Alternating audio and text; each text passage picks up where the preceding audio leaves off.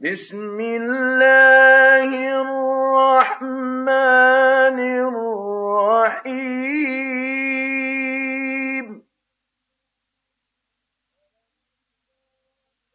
ألم تر كيف فعل ربك بأصحاب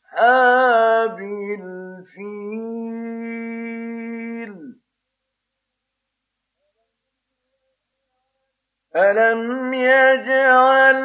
كيدهم في تضليل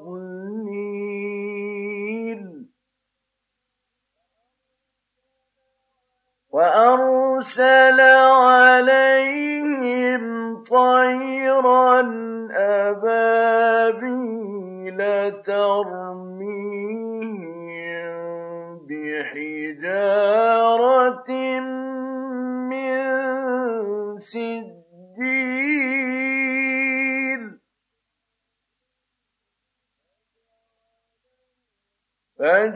فجعلهم